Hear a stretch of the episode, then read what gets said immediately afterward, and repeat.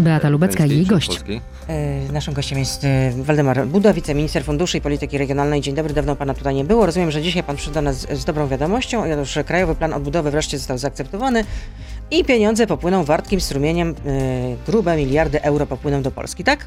Z pewnością tak się wydarzy w najbliższym czasie. E, Daty na pewno nie wskażę. Czyli rozumiem, że na, nadal Krajowy Plan Odbudowy jest z- zablokowany, jest zamrożony, tak? A przypomnę, że chodzi o 36 miliardów euro, bo pierwotnie to miało być 57, ale to miało być zaliczką. Zaliczka już nam przeszła koło nosa. Zaliczka tu nie ma wielkiego, większego znaczenia, bo my No. prefinansowanie mamy zagwarantowane. Finansujemy to ze środków budżetowych. Ważne jest to rzeczywiście, żeby wziąć tą pulę, którą, o którą wnioskujemy, ale nie jakby pod wpływem jakiejś presji czasowej, bo mamy taką sytuację, w której nas się przymusza od mniej więcej lipca do tego, żeby zawrzeć e, porozumienie na bardzo niekorzystnych Ale jak, warunkach. ale jak to przymusza? Przecież pan sam powiedział, że te pieniądze płyną, e, do, będą płynąć do Polski już pod koniec roku, ubiegłego roku. No przecież to były pana zapewnienia w takim razie, więc proszę powiedzieć, czy to nastąpi do przyszłego tygodnia, kiedy to ma w sobotę przyjechać do nas e, szefowa Komisji Europejskiej Ursula von der Leyen, bo takie doniesienia pojawiły się w mediach, że właśnie wtedy, no chyba przewodnicząca komisji ogłosi, że e, Krajowy Plan Odbudowy jest e, odblokowany. Z No więc- pewnością to nie nastąpi w przyszłym tygodniu. To mogę jakby z całą odpowiedzialnością powiedzieć, ponieważ widzę e, stopień i postępy, jakie się odbywają i nie sądzę, żeby to w tydzień można było zamknąć. Oczywiście my jesteśmy otwarci, ale my nie zgodzimy się na rzeczy, które dzisiaj są jeszcze na stole dość niekorzystne dla nas zapisane, więc negocjujemy kroczek po kroczku, słowo po słowie. Ale ile można I nie, negocjować? I nie będziemy poddawać się takiej presji, że już, że zaraz, bo ostatecznie liczy się to, czy to porozumienie będzie dobre. E, No dobrze, to ile tych Każde negocjacji już- negocjacje pod presją czasu są negocjacjami przegranymi, a my nie chcemy przegrać tych negocjacji. No ale ile można negocjować? Ile pan już negocjował? Ile przeprowadził pan takich rozmów? No bo jest pan w tym zespole negocjacyjnym ze strony Polski. Kilkadziesiąt, 57 spotkań. Niezły maraton w takim razie. No dobrze, w takim razie to co trzeba, w takim razie to co stoi na przeszkodzie? Co to jest tutaj kością niezgody, że e, nie możecie się dogadać, nie możecie dojść do porozumienia z Komisją Europejską? No, tutaj moglibyśmy audycję zrobić na e, pewnie dwie godziny. Całe KPO ma kilkaset stron. Taka decyzja SID wykonawcza, która jest przesyłana z komisji do Rady, ma 170 stron. I tutaj ważą się każde słowo, później my będziemy rozliczać się z tych zobowiązań, które są podjęte w ramach IKPO i tej decyzji sydowskiej. W związku z tym e, my podejmiemy zobowiązania tylko w takim zakresie, jakim są po pierwsze zgodnie z naszym myśleniem o reformach i o różnych sektorach. A proszę pamiętać, że dzisiaj opinia publiczna jest y, nagrzana informacjami o y, reformie wymiaru sprawiedliwości, tylko to jest jedna z 54 reform, które chcemy przeprowadzić w ramach Krajowego Planu Odbudowy. E, I y, jest szereg innych rzeczy, o których też rozmawiamy. Mamy też wyroki TSUE, które zapadały, które pokrywają się niejako z reformami, które są zawarte w ramach Krajowego Planu Odbudowy. Musimy rozstrzygać również te kwestie, co się wydarzy w momencie, w którym zatwierdzimy KPO, co będzie z postępowaniem na przykład przed y, Trybunałem Sprawiedliwości i tak dalej, i tak dalej. I my nie no to możemy... z tego, co pan mówi, to wnioskuję, że to szybko nie nastąpi. To nastąpi w takim razie w, w tym półroczu? Ja mam, ja mam nadzieję, gdyby No bo komisja... mamy pierwszy kwartał ze sobą. No to w takim razie, czy, czy Gdyby komisja przystała to na, na rozwiązania, które my proponujemy w wielu segmentach, byłoby pewnie łatwiej.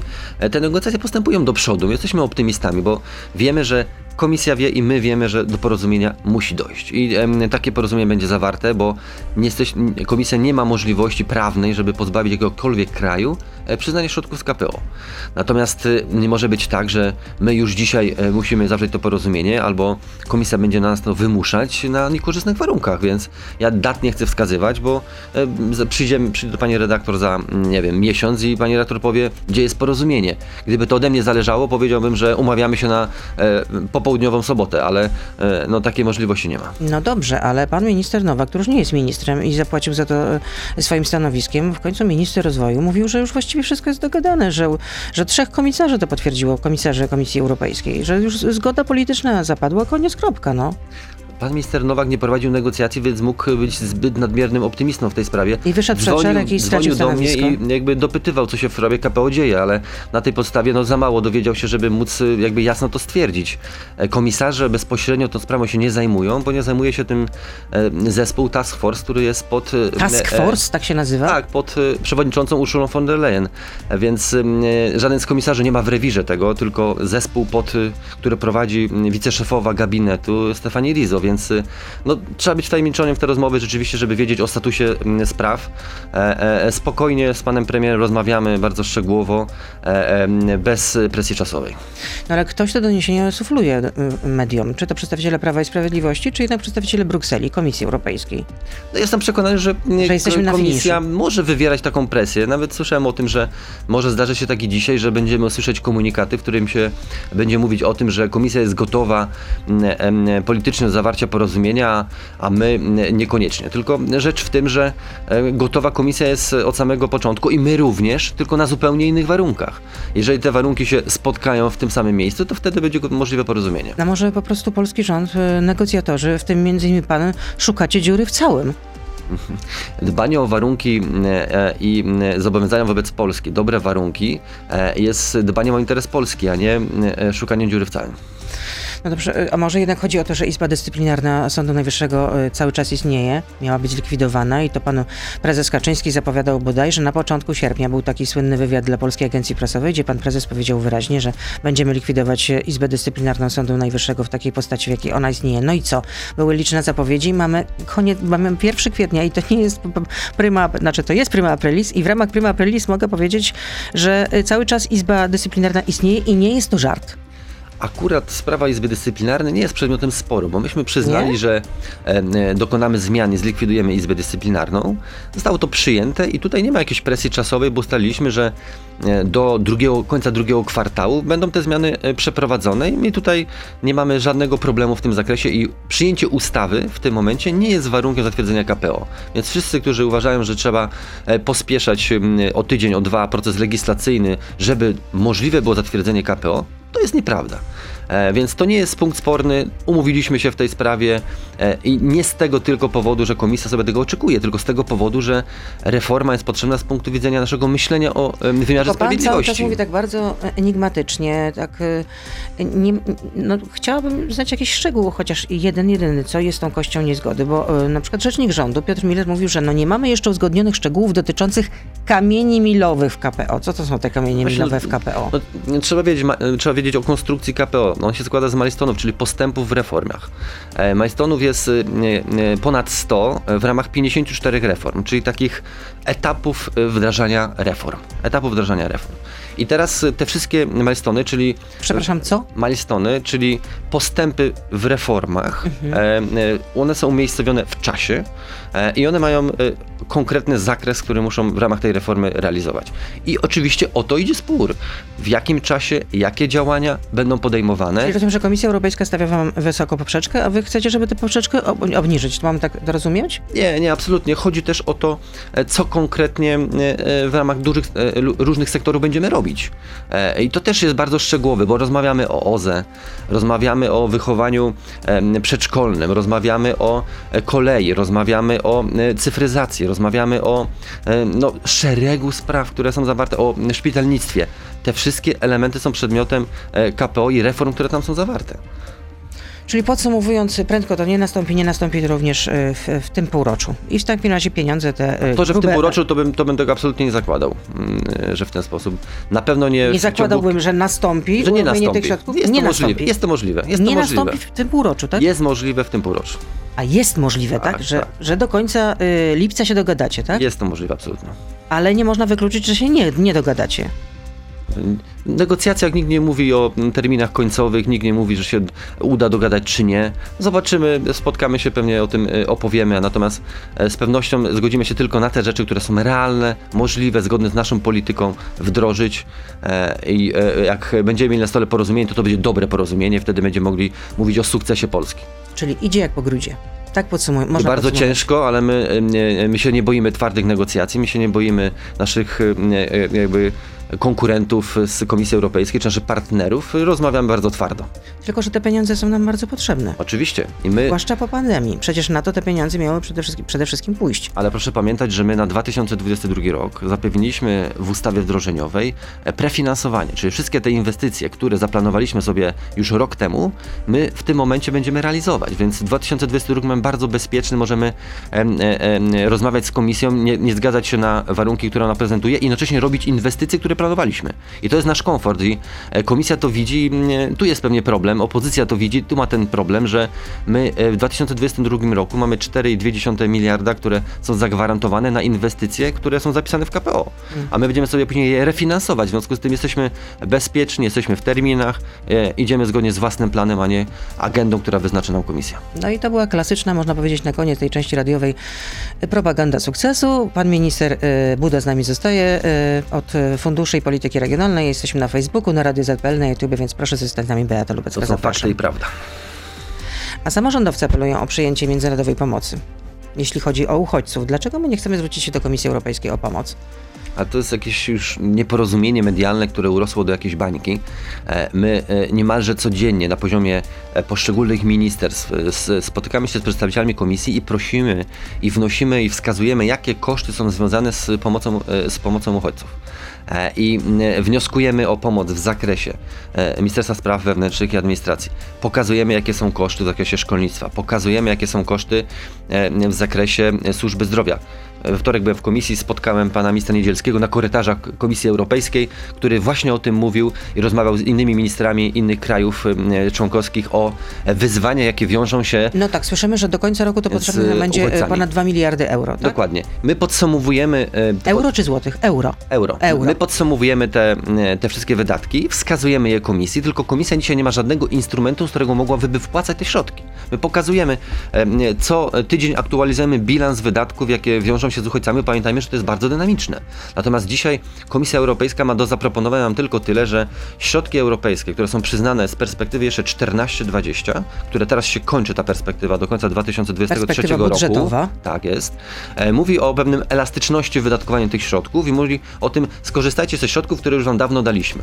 My się na to nie zgadzamy, dlatego że te środki są już zakontraktowane i mamy je na e, mój prąd, mamy je na autobusy elektryczne, mamy je na e, efektywność energetyczną i e, chcemy te plany zrealizować. Mówimy, tu są potrzebne dodatkowe środki, dodatkowe fundusze. Proszę o stworzenie systemu, który nam pozwoli finansować ekstraordynaryjne działania, a nie znaczyć środki, które już są zaplanowane i wydatkowane, między innymi przez samorządy. Myślę, że żaden samorząd nie byłby gotowy powiedzieć, że nie kupi ze środków europejskich autobusa czy, autobusu czy tramwaju i za to będzie refinansował e, wydatki z uchodźców. Chcemy dodatkowe środki. I mm, o takich e, funduszach rozmawiamy z Komisją Europejską. No dobrze, to w takim razie od czego to zależy, żeby te środki popłynęły do Polski? No, myślę, że tutaj komisja musi stworzyć instrument, który na to pozwoli. Proszę pamiętać, że nam się wydaje, w Polsce od momentu, w którym mamy konflikt, doprowadziliśmy do przegłosowania już kilku ustaw, które dotyczą konfliktu. Komisja Europejska proceduje nad jednym rozporządzeniem. To Tam nie to, jest konflikt, to jest wojna. tam to wszystko, oczywiście, tam to wszystko dzieje się, e, nie wiem, 3-5 razy dłużej.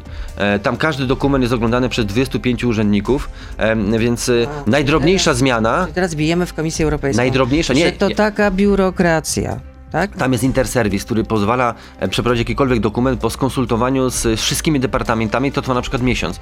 E, My działamy sprawnie, ale tam z kolei jest uzgodnienie na poziomie politycznym wszystkich państw. Ja to rozumiem, tylko proszę pamiętać, inercja i jakby tempo działania Komisji Europejskiej jest pięć razy wolniejsze od krajów członkowskich i my rozumiemy, że to musi się urodzić, to musi się być na poziomie uzgodnienia politycznego, to musi się urodzić w formie legislacji i tak dalej, i tak dalej. No tak działa Komisja Europejska. Ja ci nie żalę, bo wiem, że Trochę tak się to pan wygląda. żali, trochę się pan żali. Tak Samorządowcy wygląda. też apelują o stworzenie systemu dobrowolnej relokacji uchodźców. Mm, System dobrowolnej lokacji myślę, że on dzisiaj już funkcjonuje, ponieważ y, każdy, kto Ale chce... on jest taki spontaniczny, można powiedzieć. No i tak ma jednak. to wyglądać. Znaczy, my nie chcielibyśmy doprowadzić do sytuacji, w której zmuszamy e, kogoś, kto przyjeżdża do Warszawy, proszę, ty masz jechać do Szczecina, proszę, ty masz jechać do, e, do Łodzi. Ale dobrowolnej. Dobrowolnej I dzisiaj na relokacji. tym to polega. Jeżeli ktoś chce jechać do Łodzi, ma taką możliwość, proszę Ale- bardzo, ale chyba- zapraszamy. Jeżeli ma e, e, ochotę jechać do e, e, Bydgoszczy, jest taka możliwość. A Natomiast jeśli chodzi o, prawa, o, jeśli chodzi o państwa członkowskie, o członkowskie. Y, jeżeli jest grupa, która w Rzeszowie y, y, albo w Przemyślu mówi o tym, że chce jechać do Berlina, ma podstawiony transport i może poruszać się i jechać do Berlina, do Zgorzelca, proszę bardzo. To już się dzisiaj dzieje. No, y, mówienie o tym, że dobrowolne może być jeszcze bardziej dobrowolne albo bardziej zorganizowane. Nie, wszyscy ci, którzy gdzieś chcą jechać w któryś rejon Polski albo Europy, mają taką możliwość. A przymusu w tej sprawie stosować nie będziemy. A jak pan sądzi, kto wygra y, wybory w niedzielę y, na Węgrzech? Myślę, że mm, wszystko na to wskazuje, że jednak mm, Viktor Orban, w związku z tym e, e, mm, nic się w, na Węgrzech z punktu widzenia politycznego nie zmieni. Czyli Viktor Orban nadal będzie popierał całym sercem e, Władimira Putina. Ja jestem ciekaw, mm, jaki będzie Viktor Orban e, e, godzinę po wyborach. Bo proszę pamiętać, że Viktor Orban to jest bardzo doświadczony polityk i stosuje retorykę, która pozwala mu wygrać wybory. Ja jestem ciekaw, e, co on będzie mówił w, tak za godzinę, co on będzie mówił za tydzień po wyborach. Nie, absolutnie nie. Nasza polityka e, najbardziej przewidywalna od wielu lat. Kto mówił o tym, że trzeba się uzależniać od aktywów węglowodorów rosyjskich? Kto mówił o tym, że Rosja jest e, niepartnerem partnerem, ale ogromnym zagrożeniem dla Europy. Od zawsze o tym mówiliśmy. To Dobrze. nasi konkurenci mówili, Wróćmy a to na... dobra Rosja, Dobra, to zła Rosja, współpracujmy. Nie, nie dało się współpracować i nadal... wiedzieliśmy o tym od zawsze. Czy to nadal jest jeden z, z naszych y, takich najbliższych sojuszników? Dzisiaj jest to sojusznik zamrożony, jest to sojusznik, który toczy twoją wewnętrzną grę pod wygranie wyborów e, parlamentarnych któryś już z kolei e, i dopiero twarz Orbana po wyborach będzie twarzą i polityką, z którą możemy się skonfrontować, zastanowić się, czy nadal nam e, po drodze z tym partnerem. Co to znaczy sojusznik zamrożony?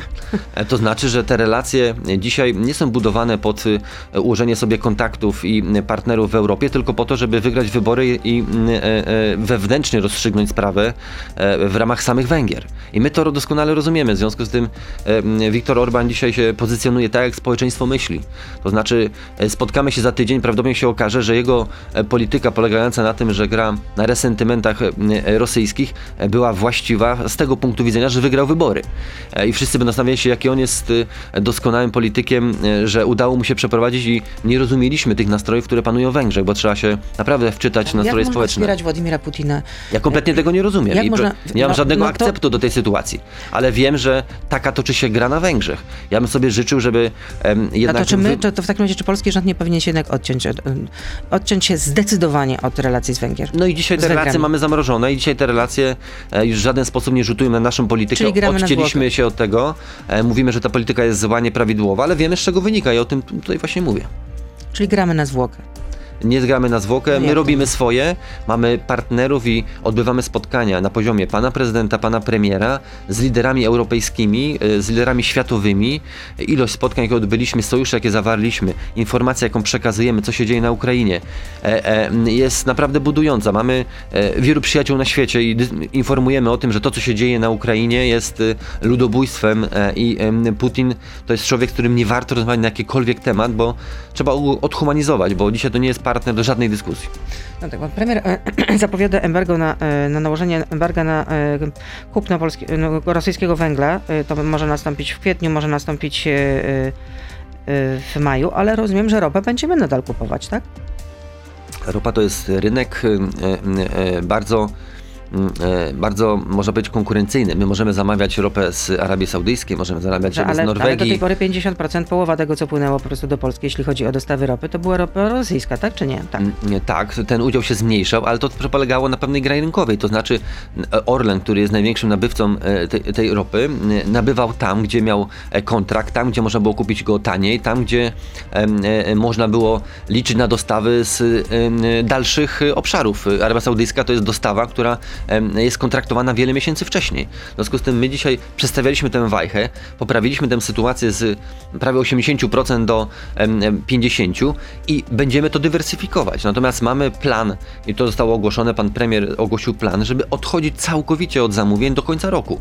E, I ten plan zrealizujemy, tylko to wymaga kontraktowania e, ropy na e, rynkach światowych, przede wszystkim Arabii Saudyjskiej. Jest porozumienie z Aramco z Arabii Saudyjskiej, które pozwoli nam dużo większą część tej ropy właśnie kupować na innych rynkach. No ale rozumiem, że do końca roku jednak będziemy kupować rosyjską ropę. Będziemy tak? zjeżdżać z kupowaniem ropy systematycznie, aż do końca roku skończymy na 0%. I co, będziemy płacić w euro czy w rublach? Bo Władimir Putin zadekretował, że y, kraje, które, jak to nazwał, działają na niekorzyść Rosji, ma, mają płacić w rublach i koniec bo inaczej to po prostu przykręci kurek. I co wtedy zrobimy, jak przykręci no, kurek? Taka retoryka, ona ma się nijak do, do, do kontraktów y, biznesowych i myślę, że y, jakby zamawianie ropy ma y, swoje kontrakty już e, e, miesiące wcześniej, w związku z tym tam są warunki zawarte, w jaki sposób się płaci e, za ropę i myślę, że nie będzie tutaj jakby problemu z tym, żeby ustalić walutę. To jest kwestia absolutnie wtórna. Pytanie, czy w ogóle będziemy od nich kupować. A my mamy jasny plan, który mówi o tym, że do końca roku rezygnujemy z zamówień z kierunku wschodniego, namawiamy do tego Europę, szukamy innych rynków, szukamy innych możliwości, chcemy zawrzeć kontrakty długoterminowe, które nam dają tę gwarancję i spokój w tym zakresie. Czyli rozumiem, że od 1 stycznia 2023 roku ani jedna kropla ropy z Rosji nie popłynie już do Polski, tak? Ja mam taką nadzieję. Nadzieję, co nie znaczy, że tak nastąpi. Panie redaktor, no, rozstrzygać tę kwestię byłoby bardzo trudno. My musimy zapewnić sobie dostawy w Polsce, żeby jak pani redaktor będzie przyjeżdżała do studia, by miała pewność, że zatankuje paliwo, e, zatankuje paliwo na stacji benzynowej. To jest podstawowa, e, natomiast podstawowy fakt. Natomiast e, oczekiwanie społeczeństwa i tak musi być. Natomiast jak w tym e, e, udziale tej, ro, tej ropy i paliwa w ogóle e, przerobionego z ropy będzie najmniej paliwa z Moskwy, z Rosji, tym lepiej dla nas. Dobrze, z węgla mamy zrezygnować albo w kwietniu, albo w maju, jak to zapowiada premier, e, no ale to znaczy, no, że... już zrezygnowali, proszę pamiętać, że państwo polskie nie kupuje w ogóle tego węgla, produkują, kupują tylko firmy prywatne, no tak, ale chcemy kupują, to po prostu zablokować. No i korzystają z tego głównie klienci indywidualni oraz firmy ciepłownicze, tak? Czyli Dokładnie. Tak, no właśnie. No to może to oznaczać, że będziemy teraz palić śmieciami. E, absolutnie nie. No. Mamy normy, reguły, które tego dotyczą e, i jakby no, ale powrót ten węgiel, do jakiejś... jeśli będziemy z innych kierunków sprowadzać węgiel, to będzie on droższy. Proszę zwrócić uwagę na to, że. Ale będzie droższy, będzie droższy. Ja tego nie zakładam, to jest, to jest kwestia kontraktów. Natomiast proszę zwrócić uwagę na to, że my bardzo dynamicznie zmieniamy zapotrzebowanie na węgiel. I dzisiaj mnóstwo tych indywidualnych odbiorców no, się przestawia na źródła energii w postaci pomp ciepła, w postaci również pieców gazowych. Podłącza do tego fotowoltaika, która wspiera na przykład pompy ciepła i tak dalej, i tak dalej. I to są jakby procesy, które bardzo szybko zachodzą, więc my tego węgla coraz mniej będziemy potrzebować, jeśli chodzi o gospodarstwa indywidualne. No, ja tutaj czytam właśnie wypowiedź byłego wiceministra gospodarki Jerzego Markowskiego, który przewiduje, że chcieliśmy się odzwyczaić od spalania węgla, będziemy się znowu musieli przyzwyczaić do spalania śmieci. Nie sądzę, żeby ktokolwiek na to pozwolił. E, mamy dzisiaj wrażliwość społeczna, która nie pozwala nam traktować w ten sposób e, atmosfery, środowiska i myślę, że e, nikt, który będzie tę pelikę odpowiadał... To nie jest nazbyt optymistyczne założenie z Pana strony? Nie, absolutnie, bo myślę, że my mamy, jakby nie możemy podać skrajności. Znaczy, my z tego powodu, że dzisiaj mamy tę sytuację no, i wojnę na Ukrainie, okazać, nie możemy doprowadzić do sytuacji, ten... w której będziemy degradować środowisko. No tak, to wszystko się zgadza. Czy nie nastąpi taka sytuacja, że ten węgiel, który będzie sprowadzany z innych kierunków niż rosyjski, będzie jednak dużo droższy, w związku z tym będzie niedostępny dla odbiorców indywidualnych. Nie będzie ich po prostu stać na zakup takiego Nie, do dzisiaj w wyniku e, różnych perturbacji ETS-u, pamiętacie Państwo, e, e, mieliśmy wzwyżkę i spekulacyjną do nawet e, poziomów, które były nieprzewidywane za 2-3 lata. E, doprowadziliśmy do sytuacji, w której rzeczywiście to wydobycie było bardzo drogie, bo było związane właśnie z opłatami ETS-u. Ten ETS teraz spadł, więc rynek w tym zakresie jest bardzo e, nieprzewidywalny. Natomiast dzisiaj powiedzieć, czy to będzie węgiel droższy czy tańszy, myślę, że żaden ekspert nie odpowie. No tak, jest jeszcze, jest jeszcze polski węgiel, ale jest nierealne bezinwestycyjne zwiększenie po prostu wydobycia węgla tutaj w Polsce. Mamy skromne zasoby tego węgla. Proszę pamiętać, że e, Górny Śląsk to jest wyczerpywanie zasobów. Mamy e, jakieś zasoby na Dolnym Śląsku i e, Lubelszczyźnie, ale to są cały czas zasoby, które jakby nie pokryją w dłuższej perspektywie mm, naszego zapotrzebowania, więc miejmy tego świadomość, że jakby odchodzenie od węgla jest naturalną koleją rzeczy z punktu widzenia wielkości zasobów, z punktu widzenia odkrywek, które dzisiaj mamy uruchomione, kosztów odkrywek nowych, y, bo pamiętajmy, że odkry, y, odkrywka nowa to, jest, to, są, to są 10 lat nawet i e, musiałoby to się wiązać z ogromnymi nakładami finansowymi, więc y, trzeba mieć jakby racjonalność w tym podejściu, miks energetyczny musimy zmieniać na ekologiczny, zielony.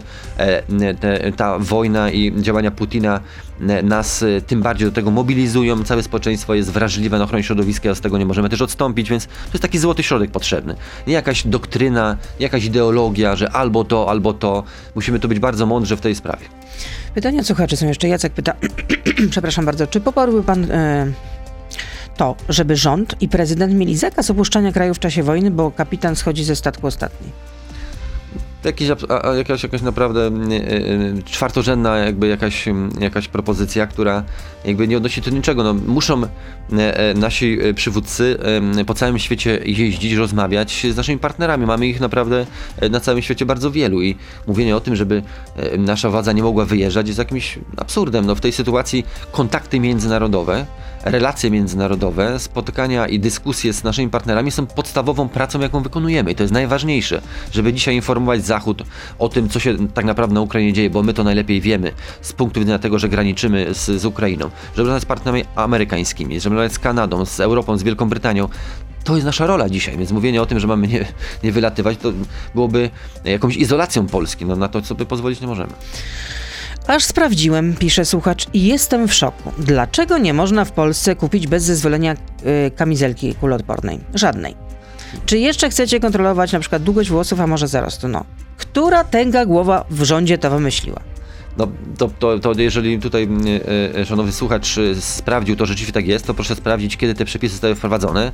W zasadzie od dziesięcioleci chyba obowiązują przepisy, które właśnie koncesjonują produkcję kamizelek i to rzeczywiście są przepisy, które były być może dobre na moment, w którym funkcjonowaliśmy w stanie, w którym wojna w najmniejszym stopniu nam nie, nie, nie groziła, nikt o tym kompletnie nie myślał. Natomiast dzisiaj rzeczywiście trzeba myśleć o tym, czy, czy te przepisy nie powinny być poluzowane, bo mamy świadomość tego, że e, kamizelka dzisiaj kuloodporna to nie jest jakby jakiś element e, high-techowy. No, znaczy można sobie wyobrazić, którym ta produkcja tego e, i zakupy będą odbywały się na zasadzie wolnorynkowych, zwykłych. To od kiedy te przepisy obowiązują? Bo ja nie wiem. Lata. Nikt tego nie zmieniał, od zawsze tak było, że no, tak to funkcjonowało. Prawo Sprawiedliwość, Zjednoczona Prawica tak zwana. Tak, ale od pani dyrektor, czy w 2016 roku, 2017 uważałaby pani, pewnie by mnie zaprosiła i powiedziała, czy wy się zajmujecie w 2016 roku, że chcecie regulować rynek kamizelek kuloodpornych. Powiedział pan y, przed chwilą, że te przepisy należało zmienić już dużo, dużo wcześniej. Tak pan powiedział nie należało się zastanowić nad nimi, no. a natomiast to nie była pierwsza potrzeba w 16-17 roku. I szczerze mówiąc, dzisiaj też to nie jest najważniejsze, bo znaczy zbrojenie społeczeństwa w kamizelki kuloodporne nie jest jakby dzisiaj najistotniejsze, bo na bezpośrednio atak nie grozi. Ale przyjrzenie się tym przepisom, e, żeby to zracjonalizować, żeby zastanowić się, czy być może nie uda się tego inaczej załatwić, być może właśnie e, bardziej liberalne przepisy byłyby tu potrzebne, to jest kwestia do zastanowienia. Nie mówię nawet, czy tak należy zrobić, ale trzeba się na to zastanowić. Na pewno w 16-17 roku, czy nawet w 13 2015 nasi poprzednicy o tym nie myśleli, bo no, to była drugorzędna kwestia. Każdy, kto chciał, to kupił. To była mm, koncesjonowana rzeczywiście jakby produkcja i koncesjonowana możliwość nabycia, ale jakby była skrajnym jakby wyjątkiem sytuacja, w której ktoś chciał w ogóle to kupić. A pan ma kamizelkę kuloodporną? Oczywiście, że nie ma. Dziękuję. Waldemar Buda, wiceminister Funduszy i Polityki Regionalnej był z nami. Dziękuję, Dziękuję bardzo. bardzo. To był gość Radia Z. Słuchaj codziennie w Radio Z i na player radioz.pl.